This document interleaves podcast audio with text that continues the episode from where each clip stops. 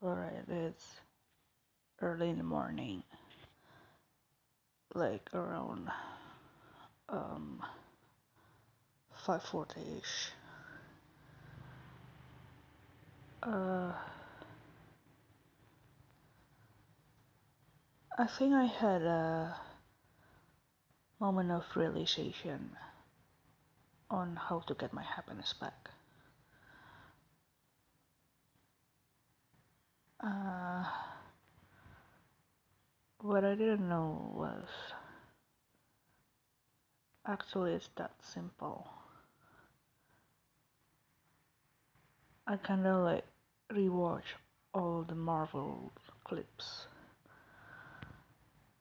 the tour, the interviews, and all the memes and the theories and all that.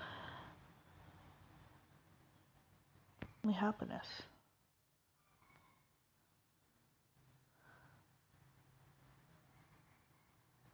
Also, I had a moment of realization of I need to reclaim myself.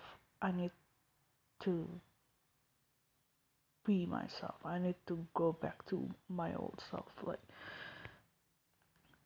not giving a fuck to everyone.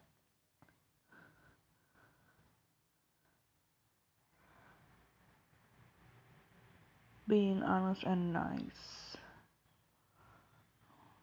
might not be get along together, but I'd rather be seen as an honest person than a nice person. Nice would be a complimentary for me. Being honest to other also means being honest to myself. So there's no hidden agenda and so whatever you call that other terms. I have nothing to hide. And that's relieving. And that satisfies me.